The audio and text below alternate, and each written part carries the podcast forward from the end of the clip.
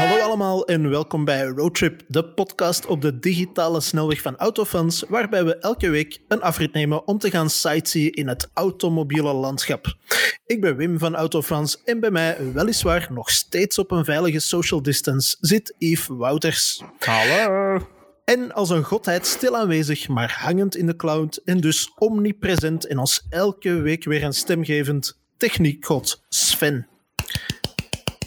Yves, er is uh, heugelijk nieuws deze week, want de persparken zijn officieel weer geopend. Uh, Ja, waar ik- heb jij tot nu toe al mee gereden? Ik zie er nog bleek van. Van schrik.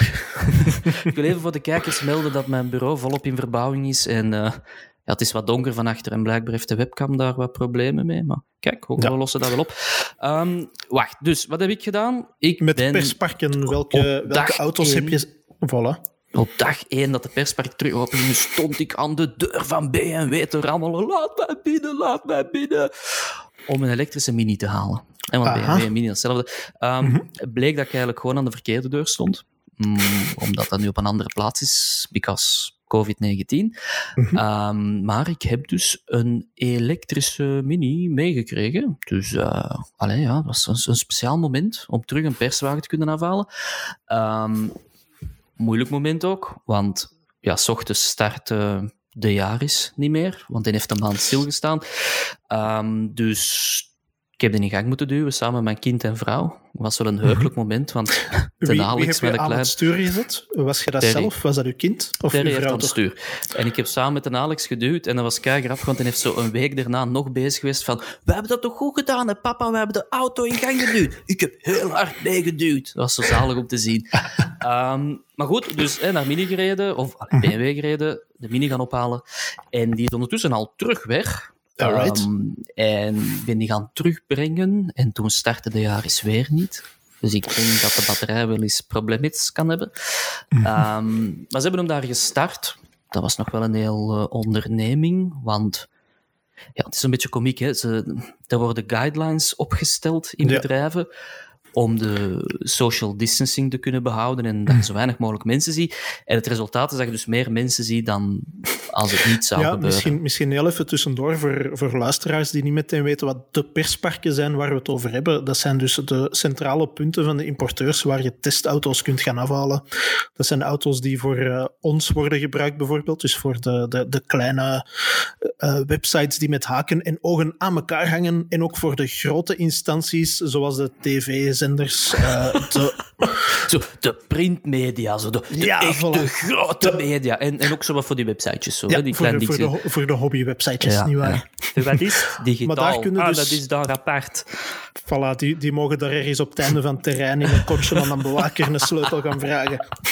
Nee, dus eh, alle gekheid op een, eh, op een stokje. De persparken, dat zijn dus de plaatsen bij de importeurs waar je auto's kunt gaan afhalen om voor een bepaalde termijn te gaan testen.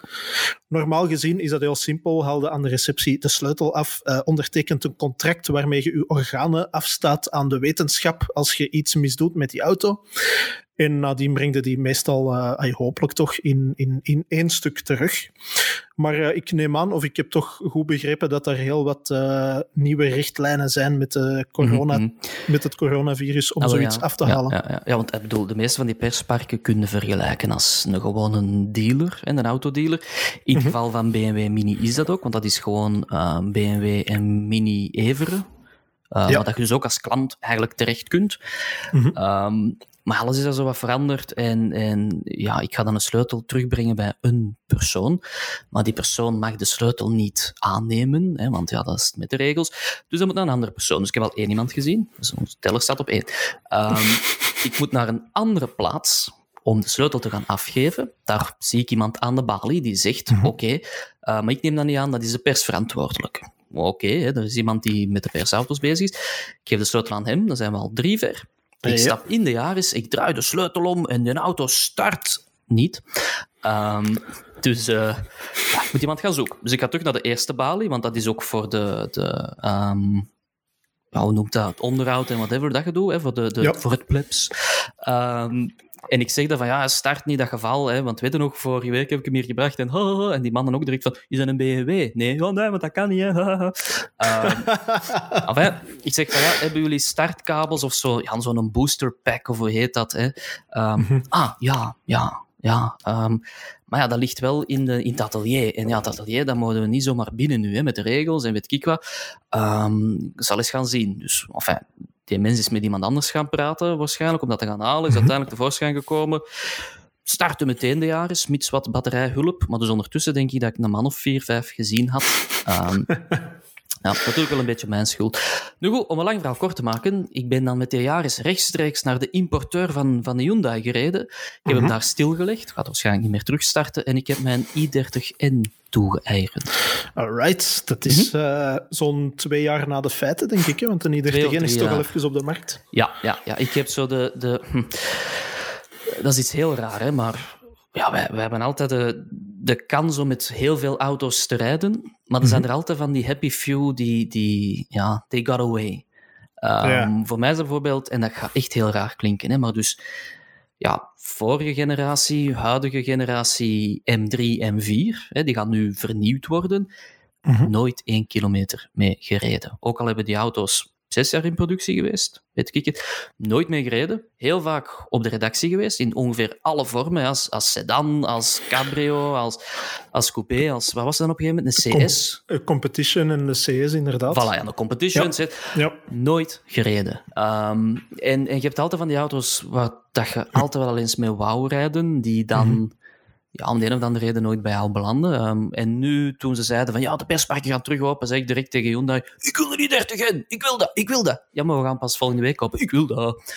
Ehm, dus waren zij zo sympathiek om dat in te boeken voor mij, niet wetende dat eigenlijk ehm, in deze week ook de Audi RS6 Avant bij ons ingeboekt staat. Mhm. Ehm, wat er dus eigenlijk op neerkomt dat ik één auto dat got away verplaatst waarschijnlijk met dan... Hè, nu, nu heb ik de niet 30 in en nu kan ik weer twee, drie jaar wachten om eens met een RS6 Avant te rijden. en dan wie weet wat of iets trekt of niet. Ehm, nu, ik ben dus super laat op het i30N feestje. En ja, ik heb Ja. natuurlijk al allee, collega, journalisten mee over gesproken. Je hebt ook de dingen al gezien, gelezen, whatever. En ik moet wel zeggen dat dat echt een tof karken is. Ik wou het net vragen, hoe bevalt het mij? Ik vind dat echt een leuk autoke. Als in Ja. auto, want hè, autoken is wat denigrerend. Bij mij heeft dat zo wat het... het dat is de Golf GTI zoals die er vroeger was. Ik vind dat de nieuwe Golf GTI... Daar komt nu weer een nieuwe uit, maar goed.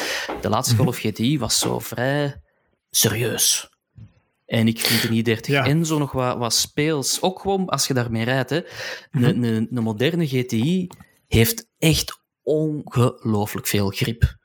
En die i30N, ja, ik reed op de rondpunt, dat was een idioot. En ik voelde zo de achterkant zo al een beetje spelen, zo wat, wat, wat licht worden.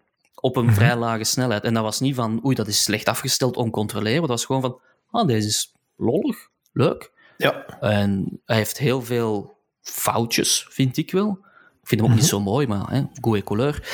Maar ja, voor een eerste inzending van een Koreaans merk, gecreëerd door een Duits dat bij BMW M werkte en zich eigenlijk alleen maar bezig heeft gehouden met achterwiel en vierwiel aangedreven. Ik weet niet waarom dat achterwiel en vierwiel plots drie wordt, maar goed.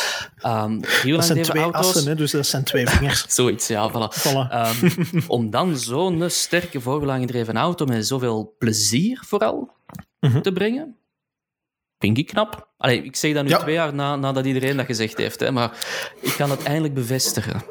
Alright. En alright. Wat heb jij? Wat heb jij? Ah, wel, eh, momenteel staat de, de Volkswagen T-Roc R op de parking hier beneden geparkeerd. En Sorry. ik ja. moet, ah, wel, dat was mijn eerste reactie ook toen ik hoorde van ja, Volkswagen gaat een R-versie van de T-Roc maken. De trokker, zoals we zeggen. trokker, inderdaad.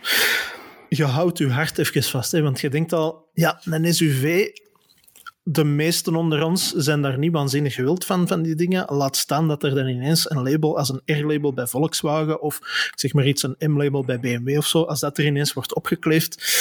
Het hart dat je dan vasthoudt, dat knijpt dan zo nog iets harder samen. Maar ik moet zeggen, eigenlijk, de T-Roc R bevalt mij enorm goed. Het is... Ik Ja, weet niet of einde dat ooit- gesprek. Voilà, dat was de podcast voor deze week. Dat was het schaamtelijk. Volgende week is het zonder Wim, want die wordt standaard PD ontslagen. En, nee, maar ja, oké. Nee, heb je ooit met de, met de Golf R gereden? Ja. De, de laatste. Ja. Wat viel u daar mee? Wat viel u daar tegen? Ehm, wat viel mij mee? Dat valt mij mee, of het viel mij mee, de R is gewoon... Ja, dat is een, een powerhouse. Hè. Dat heeft altijd zin om te gaan en dat, dat gaat als de brandweer. Ehm, wat viel mij tegen? Klinkt een beetje generisch en is omdat het zo'n powerhouse is, ook wat generisch om te rijden. Waarmee Ja. dat ik bedoel... Ja, dat is raar om te omschrijven. Je hebt, je hebt sportwagens die heel explosief zijn en die echt iets uniek qua gevoel geven. En een Golf R voelde gewoon als, als een, een Golf 2 liter TSI met 150 pk. Die, die manier van vermogensopbouw, maar dan nog wat hoger, nog wat Ja. meer. En je had nooit het gevoel dat dat wow was. En ja, natuurlijk, hoe lager een auto, hoe minder hard je over drempels kunt rijden. Hè. Voilà, probleem opgelost met een trokker. Dat dacht ik dat we daar Nee, naartoe niet aan het gaan zozeer dat, maar ehm, meestal heb je het probleem met die SUV's, ja, die staan wat hoger op hun poten. Mhm. Dus die, die zitten wat meer met, de, met het overhellen van het koetswerk in de bochten enzovoort. Maar op een of andere manier hebben ze dat nu wel heel mooi voor elkaar gekregen. Dat dat niet, als je een beetje doorduwt, dat blijft allemaal heel mooi samenhangen. Ehm, het vermogen is nog altijd een beetje aan de lineaire kant, maar het is niet zo. ehm, het is niet zoals bij een Audi SQ2 bijvoorbeeld, wat een heel vergelijkbare auto is. Eh, hetzelfde platform. Ik denk, als ik me niet vergis, ook hetzelfde motorblok. Maar die voelde heel point-and-shoot aan. Zo, je stuurt dat in, je duwt het gas in en alles komt goed, want dat Haldex-systeem dat zorgt voor alles. Eh, dat vermogen rukt zonder problemen aan de grond. Hier hangt het allemaal zo wat veel vloeiender aan elkaar. Zo. En, en Ah, ja. ja, op een of andere manier bevalt het mij wel. Oké. En, en is hij harder? Want wat ik meestal... Nee, dat is hem ook juist, want je hebt Toch? dan schrik inderdaad van, ze, ze hebben die, ja, de ophanging is uiteraard, het is een adaptieve ophanging, dus eh, in de sportstand eh, is die iets stugger dan in de comfortstand enzovoort. Maar oncomfortabel is het echt nooit. Want allee, wat ik meestal merk met, met potentere SUV's, als je gaat vergelijken met hun lagere hatchback of stationwagen of whatever broeders, Mhm. ja, die dempers worden gewoon veel straffer gezet om bodyroll Ja, tuurlijk. te verminderen. En oké, je hebt dan wel meer veerweg, maar als dat steenhard over drempels gaat, ja, dan heeft dat weinig effect natuurlijk. Het is aan, maar dat doet het, dat doet het eigenlijk niet. Ehm, ja, het, op de een of andere manier bevalt het mij enorm. Ik had het daar eh, van de week over met eh, Klaas van Autowereld. Die is op dit moment heeft hij met eh, ja, de techniekgod Sven gaat het woord Autowereld even moeten censureren. Er gewoon een mooi piepje over zetten, Sven. Ehm, maar die, die had vorige week met de Audi RSQ8 gereden. En hij zei mij van, dat is echt een goede auto. En ik dacht ook van, dat kan toch niet, want dat is een SUV, dat heeft 600 pk, dat is een voetballersauto, dat staat op 35 tums velgen, bij wijze van spreken. Dat kan toch niet goed zijn? Maar hij zei van, ja, het is effectief. Het is Ik kon helemaal niet zeggen, hè, mannen. Ik heb gewoon twee maanden niet met persauto's gereden. Hè. En als dat dan de eerste auto is, ik, ik had dat ook. Hè. Je hebt je, je smakenpalet is weg. Je weet niet meer echt van de rest.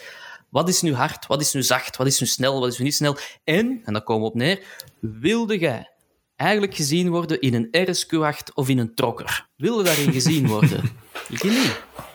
Ook al rijdt dat goed. Ik niet. No way. Ik wil, nee, ik, ik vind sowieso, de Golf R heeft dat ook heel erg... Dat is een auto die je aandacht trekt. Hè. Zelfs, Ja. ah, meestal is dat in dat, dat felblauw. Ik ben de naam van de kleur even kwijt. Maar dat Blauw. felblauw R-blauw, Mhm. Dat is eender waar dat je daarmee rijdt, is dan een aandachtstrekker. Ja, en wat dat ook niet helpt, is dat de meeste gas een of andere sticker op hun, eh, op hun raam hebben plakken, of weet ik. Als dat van Otto Of- is goed, hè. Allee, top, hè. Doen, hè, mannen. Maar al die andere Of in de stickers... racestand daarmee rondrijden, waardoor dat een Akrapovic van achter... dat klinkt... Eigenlijk, een Akrapovic klinkt zoals je het zegt. Dat vind ik wel tof Dat is altijd aan dat merk. onomatopee, dat is gewoon Ja. hoe dat in uitlaat klinkt. Dat is Dat gewoon is ah, die gaan een nieuwe hoe klinkt Akrapovic. Ah, een Akrapovic. Ja, ja, is Dat dat. is zo. Ik wil dat niet gezien worden in die auto's. Ehm, en al rijden die nog tof. Ja. Dus ja, en dat is... Ja, maar ik denk dat dat een andere vraag is op zich. Wilde erin Dat gezien is worden of niet? Of is Dat dat, is een auto? Dat is waar. Maar het, het deed mij zelfs een beetje vermoeden van zouden ze nu eindelijk stilaan wel van die sportieve SUV's stilaan deftig voor elkaar krijgen, waardoor dat kritische mensen zoals wij, als we dat even over onszelf mogen zeggen, Mhm. dat wij zelfs gaan denken van god ja, eigenlijk het, het begint in elkaar te vallen. De puzzelstukjes beginnen in elkaar te vallen. De koetswerkrol, de, de strafheid van de demping, de manier waarop dat, dat zich gedraagt in een bocht. Ik vond dat dat Zou tien jaar geleden al bestond. En dat heette toen, en iedereen is dat kind vergeten, dat was toen de Duke Nismo. en je lacht daarmee, maar dat was... ja, ik heb er nooit een- mee gereden, maar ik was Ah, wel. even... Dat was echt... Toen op het moment sloeg dat op niks van... van Ja. Maar wacht, dat is een, zoals een Fiesta ST, ja, Mhm. maar dan in crossover vorm. Wat, wat, wat is dit? En, en nu lachen we daar niet meer, hè, want, want Ford komt met de Puma ST en je hebt nu de Trokker en, en SQ2's en Cupra Tecas en weet ik wat. Maar toen had Nissan al de crossover hot hatch, omdat zij het idee hadden dat met de Qashqai had ze keigoed geboerd met we hebben een crossover, dat pakt. We gaan dat nu nog eens proberen in het hot hatch segment, want als we een andere maken, koopt niemand het, want iedereen wil de Pulsar GT Ruk. Ik ook. Ehm, dus hatchback, snelle hatchbacks kunnen ze niet maken. Ze kunnen wel een GTR maken, maar dan blijkbaar een hot hatch gaat niet. Dus we doen het met een crossover. En op een heel raar manier was het een hele toffe hot hatch. Ja. Ehm, die had heel veel body roll, op een goede manier. Hè? Waarmee dat ik bedoel, die was dus niet hard afgeveerd. Mhm. Dat blok was, ik wil het eigenlijk kwijt zijn, 180 pk, was zo, het zal daar rondhangen. ik Allee, net vragen, wat, wat zat daarin van Pak motor? dan op, ja, dat was een 1600 volgens mij. Pak dan nog 204 pk. Ik wil het kwijt zijn, maar ik denk eerder richting 180. Dat was eigenlijk genoeg voor een kleine Ja. auto. Hè? Want ik bedoel, dat is, dat is Fiesta ST, dat is Clio RS, zo dat, dat niveau van, van vermogen. Ehm, en dat reed echt heel tof. Alleen was daar ook het probleem, ja, van binnen was dat plastic fantastic, zoals de gewone Duke. En van buiten, ja, de- over een gewone Duke kunnen nog oordelen dat je dat mooi vindt of niet, of dat is Ja. anders dan uniek. Ja. Maar die Nismo zag er wel tamelijk tot zeer onnozel uit. Ehm, en dan ook bijkomstig, ja, dat, dat bumperwerk van voor en dan die Nismo-badge en dan van achter had je zo één uitlaat in Ah, plaats ja, van ik was twee. net aan denken, was er niet zo één uitlaat aan de zijkant? en iedereen Ja, zei altijd, ja. maar waarom is dat maar één eigenlijk? Van ja, ik weet dat ook niet. En als je dan Nissan vroeg, die zeiden ook van, ik weet dat eigenlijk ook niet. Dat is op een dag gebeurd. Ehm, en ik, ik kan me echt inbeelden dat ze dus tijdens de, de mock-up van die auto in de klei, Mhm. dat ze daar twee uitlaten op hadden gezet. En dat dus als de hoge pieven toen binnenkwamen, de, de, de Carlos Goons van deze wereld toen misschien nog, Mhm. Ehm, net als die binnenkwamen, viel zo een van die uitlaten, want zo'n mock-up is van klei gemaakt, maar ze doen wel zo van die accentjes, viel dat op de grond. En dan heeft zo net zo nog een ingenieur heel rap dat ze onder die auto geschot. Zo, want eh, dat was anders total failure en dan moest ze harakiri doen. Eh, al die grote bazen, schoon, schoon, ziet er goed uit. Ja, geen uitlaat. Ja, dat is goedkoper, hè. dat bespaart ons 15 euro per auto. Doen we, in orde. En niemand heeft dat ooit durven zeggen. Voilà. En je lacht daarmee, maar dat gebeurt dus echt, hè. Omdat, ehm heel leuk voorbeeld, een eerste generatie Mini Cooper, Mhm. Als in de eerste generatie van onder BMW's, Ah, ja. ehm, eigendom, die, ehm, ja, daar werd ook een klein model van gemaakt. En eigenlijk was dat maar vrij beperkt qua tijd hè, om het af te krijgen bij de ingenieurs. En dus als ze klaar waren met het kleinmodel en een dag daarna kwamen de hoge pieven zien, waren die zo blij daarmee dat, ehm, dat ze wat pintjes gedronken hadden. En de, de dag daarna kwamen ze tot de vaststelling dat ze dus een uitlaat vergeten waren. En ze hebben dus letterlijk van het een bierblikske, dat hebben ze daaronder gestoken. En je moet maar gaan opzoeken, dus de eerste generaties minis onder de BMW-eigenschap, Ja, ja. die hebben zo een raar verdikt uitlaatje dat zo wat naar boven steekt. Ik ben en, het eh, mij aan het proberen voor de Ja, geest maar ik ga het straks een- eens opzoeken. dat is zo ietsjes dikker aan de ene kant en dat steekt Ja. ook een beetje naar boven. Dat is heel raar. En eh, dus, heel grappig genoeg, de mensen die die auto kwamen beoordelen van de hoge kaderleden, die vonden Mhm. allemaal Queen geweldig. Die vonden dat design-element kei tof. Ja. Ehm, en dan een paar dagen later, blijkbaar, is die een hoofd van design bij de hoge pieven van BMW moeten komen. En die heeft dan een uitbrander gekregen dat, gezien dat ze al zo weinig tijd hadden voor de ontwikkeling, dat er iemand aan het werk heeft gezet om met CNC een aluminium spec- specifiek ding te maken. En heeft toen moeten toegeven dat dat eigenlijk gewoon blikske bier was. Dat ze er gezet hadden. Leuk verhaaltje, leuk geschiedatje. Voilà, kijk. Ja, zoek het maar eens op. De originele Mini van BMW, dus een eerste nieuwe sinds, wat is dat, 2001? Wanneer was ja, dat? hè? zoiets, hè? Die hebben zo'n 2001, raar dik, een 2002. dik stompje als uitlaat van achter. En eigenlijk is dat een bierblikje. Kijk, Zo- dat wordt- school, hè. Nee, voilà. Met eh, dit soort anekdotes wordt onze podcast opgefleurd, dames en heren. ik, wil nog heel even, ik wil nog heel even terugkomen op de, de Duke Nismo. Hebben ze er ook eens niet een of andere GTR-versie van gemaakt? Met het Ja. blok van de Nissan GTR? Er waren verschillende versies. Had, de, had de Nismo, dan hebben we volgens mij nog de Duke Nismo met nog iets meer peper gehad. Dat had nog een specifieke naam, RS, mm -hmm. ik wil het kwijt zijn. En dan hebben ze ook nog dus het blok van de GTR in een Duke gelepeld. En dat was dan, zoals gezegd, een Duke GTR.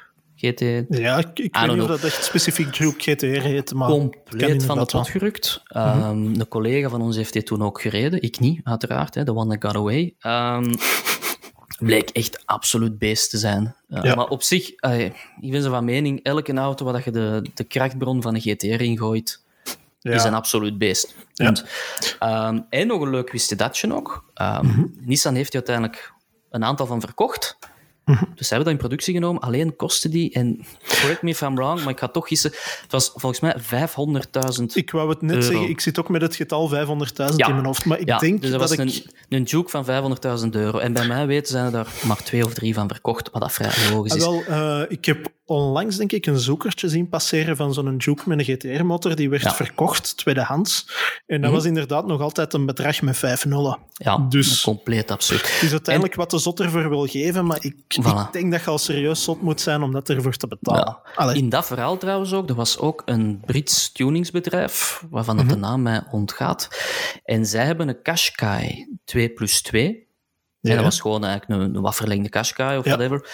Um, ook omgebouwd tot een Qashqai GTR. Uh, maar dus wel het tuningsbedrijf. Maar die hebben dus echt het karkas van de Qashqai mm -hmm. gehaald en dan volgens mij verstevigd met een aluminium frame en daar terug op. Allee, het was echt wel extremer dan gewoon ja. dat blok ja, erin. Ja, en dat dan ook opgefokt. Nou, zo 8, 900 pk. Dus alleen zo'n een Qashqai met 900 pk. En visueel want ik weet dat ze hem voorstelden, hingen er dus wel wat hippe, coole stickers op en zo wat tuningvelgen. Maar ze zeiden ook van, ja, dat is heel simpel. Die gaat op een tuningbeurs staan en als we die daar gewoon in tweet zetten, zoals hem is, gaat niemand kijken. Dus dat is een beetje aangekleed. Mm -hmm. Maar het idee is wel dat we daarmee gaan rondrijden. Dus gewoon een, een witte Qashqai. Nog een ja. oude Qashqai trouwens, dus niet de nieuwere generatie met zo'n 800 pk erin. En dat staat naast u. Dat moet toch episch zijn? Dat moet toch echt episch zijn? Dat je denkt, oh, kijk, een kat. No, wow, wat, was, wat was dat? Wat ja. was dat? Oh, dat Daar staat het dan in uw Volkswagen Trokker met 300 ah, wel, pk. Hè? Maar dat is mijn probleem. Ik ben helemaal pro zo'n auto's. Mm -hmm. met, met SUV's met 700 pk. Het maakt mij niet uit. Mm -hmm. Als die dat niet mee stoeven. En dat is bij mij het probleem met al die auto's tegenwoordig. Heb je al eens naar een RSQ8 gezien, hoe dat, dat daaruit ziet? Ja. Sorry, hè? Ja, maar... dat is, ik moet u daar wel gelijk in geven. Zo, de discretie in dat soort auto's is echt al jaren compleet zoek. Voilà, voilà. Je hebt... Uh, ik, dat zal ondertussen gemakkelijk tien jaar geleden geweest zijn, denk ik. De Audi RS6 bijvoorbeeld. Geen SUV, maar iets lager als brek. Mm -hmm. uh, dat was die met uh, die V10-motor, die Lamborghini ook nog heeft gebruikt in de Gallardo, denk ik. Mm -hmm. Als je die RS6 zag, ja, je moest dat ook niet in dat fel blauw nemen, maar in een discrete kleur ja. zag je dat er niet aan, hè, behalve ja. de vier uitlaten van achter. Ja. Maar als je een RS6 nu bekijkt, jong, de, de tuningbedrijven hebben geen werk meer. Hè? Het zijn trouwens twee uitlaten, Wim. Het zijn nooit vier uitlaten bij de RS'en. Maar... Zeg je S6? Nee, nee, RS6. Ja, dat zijn Werd, twee, nee, dat zijn twee. De S6 had de V10, maar volgens mij had een RS6 had, had geen V10. Enfin, ik weet wat je bedoelt. Zoek het op, Google man. Ik, um, ben het, ik weet uh, wat je bedoelt en, en, ik geef je daarin 100% gelijk. Ik vind ook zo'n oude S4, dat valt absoluut niet ja. op. De nee, nieuwe inderdaad. S4, dat is echt in your face. De nieuwe S6 is absoluut in your face. En ja, ik denk dat een Honda Civic Type R er ook een heel mooi voorbeeld van is. Het is te vuil. Het is gewoon ja. te vuil geworden. Ja, ja, ook met al die valse koelsleuven. En, en, en dat is bij mij het grote probleem. Ik bedoel, kijk naar zo'n S-Type R van Jaguar. En dan gaan we echt wel down a rabbit hole. um, ja, dat kind ziet eruit of dat is van onze va. Zo'n auto. Maar die had wel allee, meer dan 400 pk ook. En ja, zo'n een, een dikke V8 eronder. Dat was een beest, hè. Ja. Het dronk ook wel 20 liter. Maar ja, absoluut een topauto. Nu, je zag dat daar niet aan. En nee, dat, dat vind ik van de spijtige evoluties. Ja, dat, zoals gezegd, we leven in een Instagram-generatie waar dat het hebben van een of andere vette BMW niet meer genoeg is. Mm -hmm. Hij moet ook nog eens zo opvallend mogelijk zijn. Um, ja. Ik denk dat we die discussie al eens gevoerd hebben. Of was dat in, in de, in de in, in een van de vorige podcasts, ja, denk ik. Ja. Voilà. Ja, en dat is bij mij de simpele reden erachter. Mensen willen gewoon extreem hard opvallen, omdat als er vroeger een auto voorbij kwam, een sportwagen, had je geen idee wat dat was. Nee. En nu heeft iedereen al alle sportwagens gezien op de sociale en, en online media, Mhm. op de YouTubes van deze wereld. En dat zorgt ervoor dat er een soort van, van ja, een veralgemening is dat je het precies al eens in het echt gezien hebt. Ik had dat ook de eerste keer dat ik een, een Veyron zag. Mhm. Dat deed mij niets. Omdat het al zo gehyped was Ja, ja, ja. op alle mogelijke auto, allee, de, de topgears van deze wereld, op YouTube, op artikels zich erover geschreven had. Wauw, geweldig, zot. En dan zie je dat in het echt. En het enige dat je denkt is, oh, dat is eigenlijk klein. en je hebt zo niet meer dat, dat, dat, dat 12 jaar gevoel Het- van, kijk voilà. daar, mama, zie, de Sparta, Yves, weg. Ish, Nee, kijk. Dat heb je Maar niet ook, meer. zeker als je, als je nog heel jong was, waar elke sportwagen, ongeacht wat het was, ofwel was het een Ferrari ofwel was het een Porsche. Het mocht iets helemaal anders zijn, maar dat waren de Mhm. enige dingen dat je kende. Hè? Ja, ik, bij mij was het ook grappig dat... Ik vond zo... Het idee van een sportwagen als kind is zo helemaal anders dan als volwassen. En ik Ja, vond eh, toen, eh, ja, moet ik dat zeggen, een Z3 of zo'n Alfa Mhm. GT, dat was toen ook echt een sportwagen. Terwijl dat je nu weet dat dat helemaal niet zo'n snelle auto's waren. En weet ik, was van, wow, kijk, dat, is, dat, dat dak kan eraf en dat is maar plaats voor twee. Dus dat is sowieso zo snel. En ik weet niet of ik dat hier ooit al verteld heb, maar ik had als kind heel veel speelgoedautootjes. Mhm. En mijn twee favoriete auto's waren een knalrode Dodge Viper Mhm. en de knalrode BMW Z3. En dat was altijd een gevecht zo met mijn, mijn speelkameraden. Mhm. Of ene toch, want ik had geen vrienden. Ehm, wie welke auto kreeg. En dat waren toen alle twee, die zijn even snel, dat zijn echt supercars. En als je nu in tech tegen iemand zegt dat een Z3 even zot is als een Dodge Viper, ja, Ja, dan lachen ze met u. Hè. Dat. Schaamte en hoongelach is dan uw deel. Houd Ja. dat gedacht van die speelgoedauto's even vast. Ik heb ondertussen antwoord van Google Man over de Audi RS6 en de S6. Voilà, heel goed aan het vasthouden. De Audi RS6 maakte inderdaad gebruik van een V10, maar dat was een turboblok en dat had 580 pk. Had inderdaad twee uitlaten. Eén ovale uitlaat aan elke kant. De Audi S6 was een atmosferische V10. Die had... eh, ik ga even terug naar boven scrollen, want ik ben gewoon zelf Googleman. Eh, die had 420. vier uitlaten. Ja, maar wel En die had 420 pk. 435 pk. Oh, wat verdomme. Voilà, kijk eens aan. Het had een quizje kunnen zijn, maar ik had verloren. Ik had helemaal verloren. Dat is, dat is voor een volgende keer. Ik eh, ga nu uw gedachten van de speelgoedauto's even terug eh, vastnemen. Wat waren uw favoriete eh, auto's om mee te spelen als kind? Ik bedoel dan niet zozeer de Viper waar je het daar net over had. Mhm. Maar waren dat matchboxes? Waren dat van die schaalmodellen? Waren dat Lego-auto's? Was dat iets anders? Ehm, ehm, ik, dat merk maakt daar niet zoveel uit. Als kind was ik daar niet echt mee bezig. Van, is dat een Hot Wheels of een Matchbox? Nee, maar wat. het, het, het Ehm, formaat het van wel de de auto. kleintjes. Ah, ja. De, de Ja. typische klein, klein auto. Ik ben aan het zien nu in mijn ruimte dat ik zo geen heb staan, maar met de verbouwingen. Dat allemaal wat verdwenen. Nee, zo echt, echte kleine auto's. Mhm. Ja, zo. Eh, ja, Matchbox-formaat eigenlijk, ja. ik wou penislengte zeggen, maar dat is een flauw op. Hè. Kleine auto's. Ehm, ja, Hm. Voor de dat mensen die deze eigenlijk- podcast beluisteren en niet bekijken, Yves heeft zijn handen waanzinnig ver uit elkaar gehouden. Nee, nee. Ehm, zo de, de matchboxes inderdaad. Maar ik was toen Ja. eigenlijk niet echt bezig van welk merk dat die waren. Ehm, Mhm. Ik was wel meer geïnteresseerd in... Hoe moet ik dat zeggen? Ik wou wel dat ze echt waren. Waarmee dat ik bedoel... ehm, het moest Ik denk dat ik weet wat een echt bedoelt. product zijn. Een merk van Ja. een automerk, een model. En, en zo. Daarom dat ik nooit de Hot Wheels heel tof vond, want dat waren ze van die, Storm, top, Storm hè? 500 Ja, en zo. Hmm, ik voelde dat niet echt. Ik had Nee. er wel een paar, Ehm, waarvan dat ik een paar ook heel tof vond, maar ja, ik vond dat altijd zo net niet. En zo van, hoe kijk, met 27 uitlaten had de motorkap op zijn. Zo.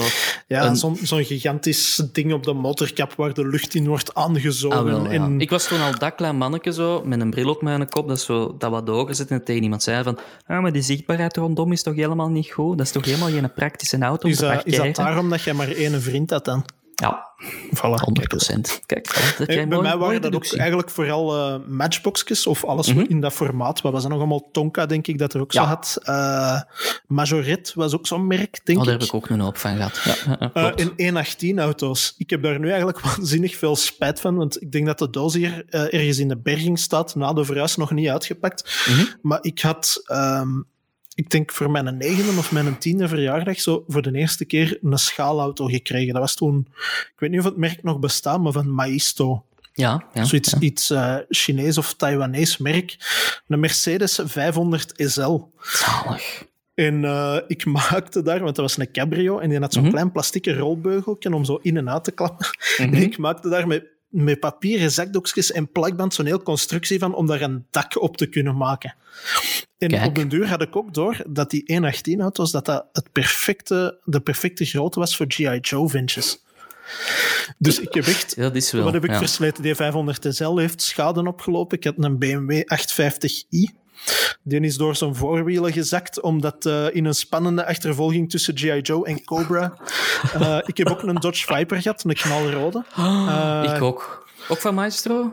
Eh, ja, Maestro of Burago. Ik ben Een cabrio, hè? En, Ja, ah, ja, ja, de cabrio, inderdaad. Ja. Met de zijuitlaatjes zo, in, in de zwarte inderdaad, plastic. En de inderdaad. kapot ging open en het kofferken ook volgens mij in de deuren. Het koffertje weet ik niet, maar de kapot wel. De deuren zeker, open. want de deurbekleding kon eraf. Dat, was zo, ah ja, dat mocht eigenlijk niet, maar dat ging er nogal gemakkelijk af. Ah, wel ja, ja, dat was niet de bedoeling. Dat was geen Nee. feature, maar je maakte daar een feature van. Heb ik Voilà. ook gehad. Met, met die, die, ehm die driespaakvelgen waren dat zo.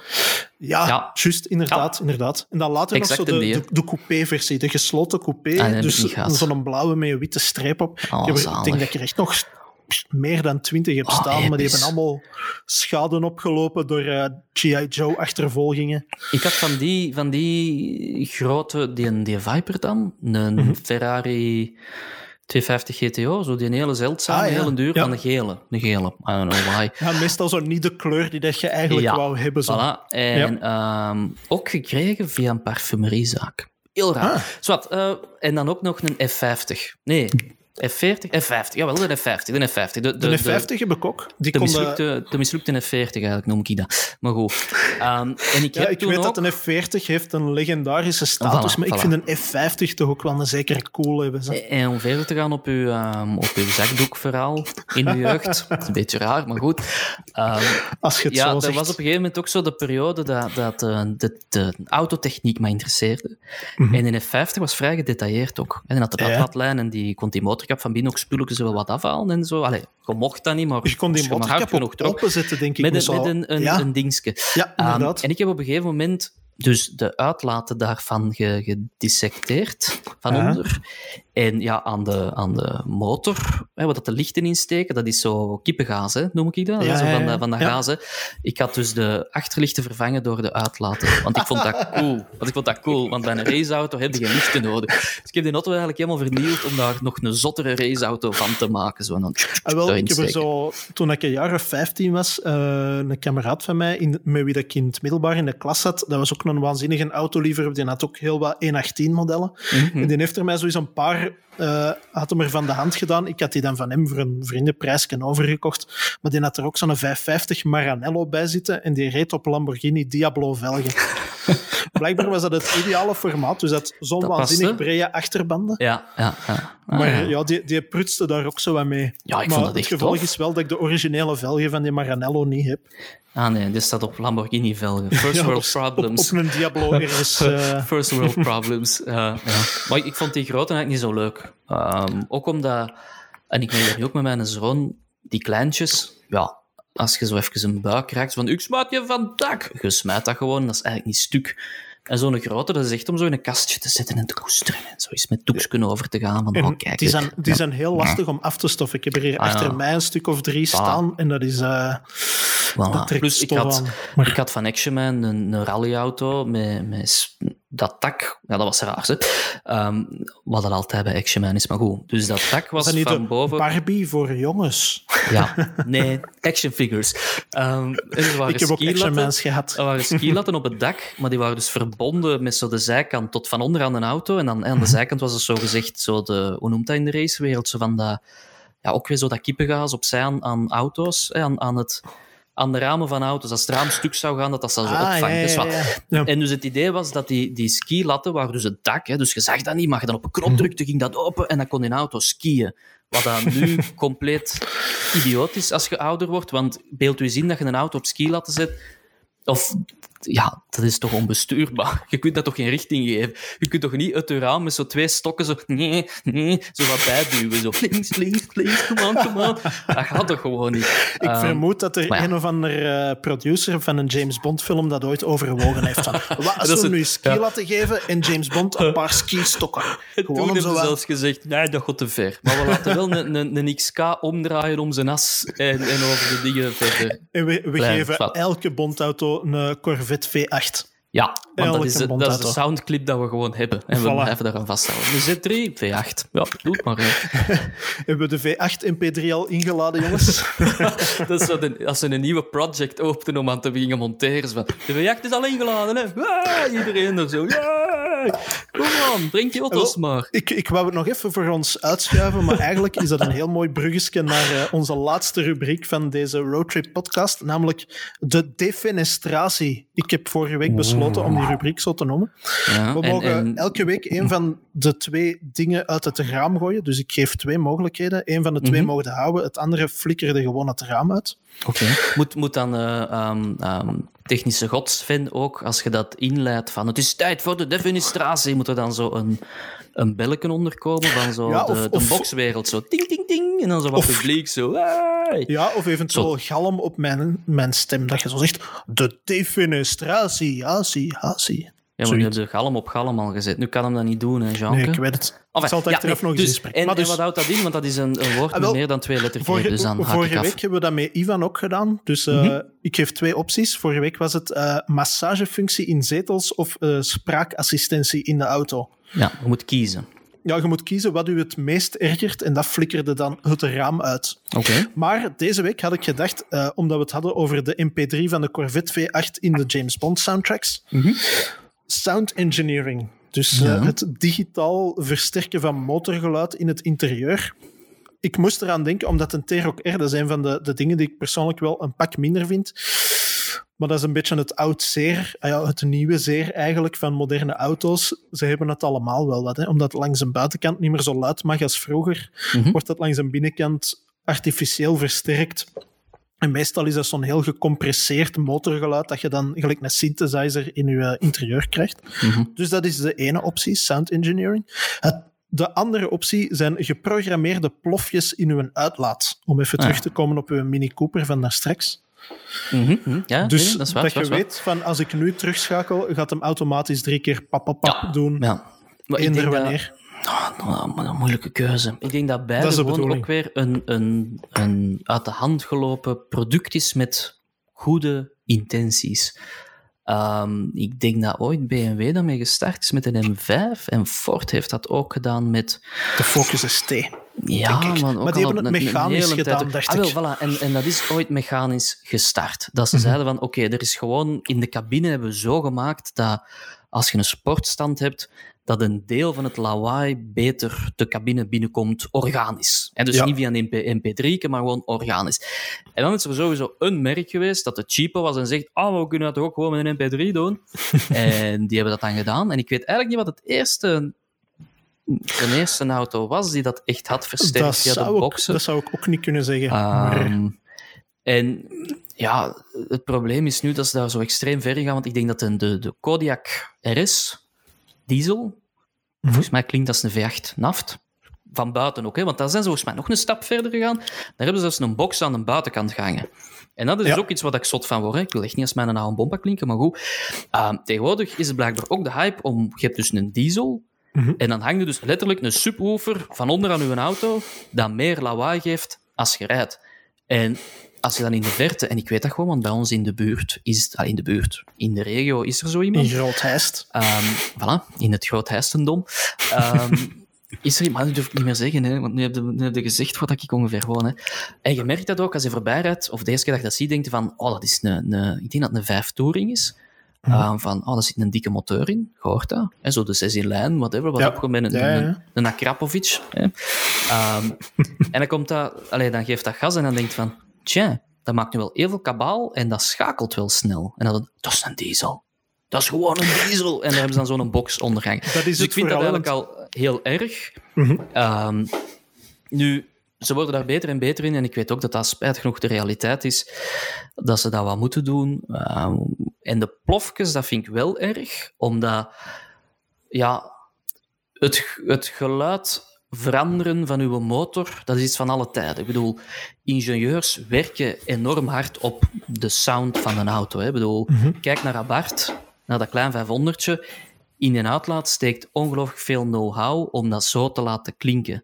Ja. En dat is ook, er zijn soundteams die daarmee bezighouden. Ja, ja. Dus ik snap dat wel.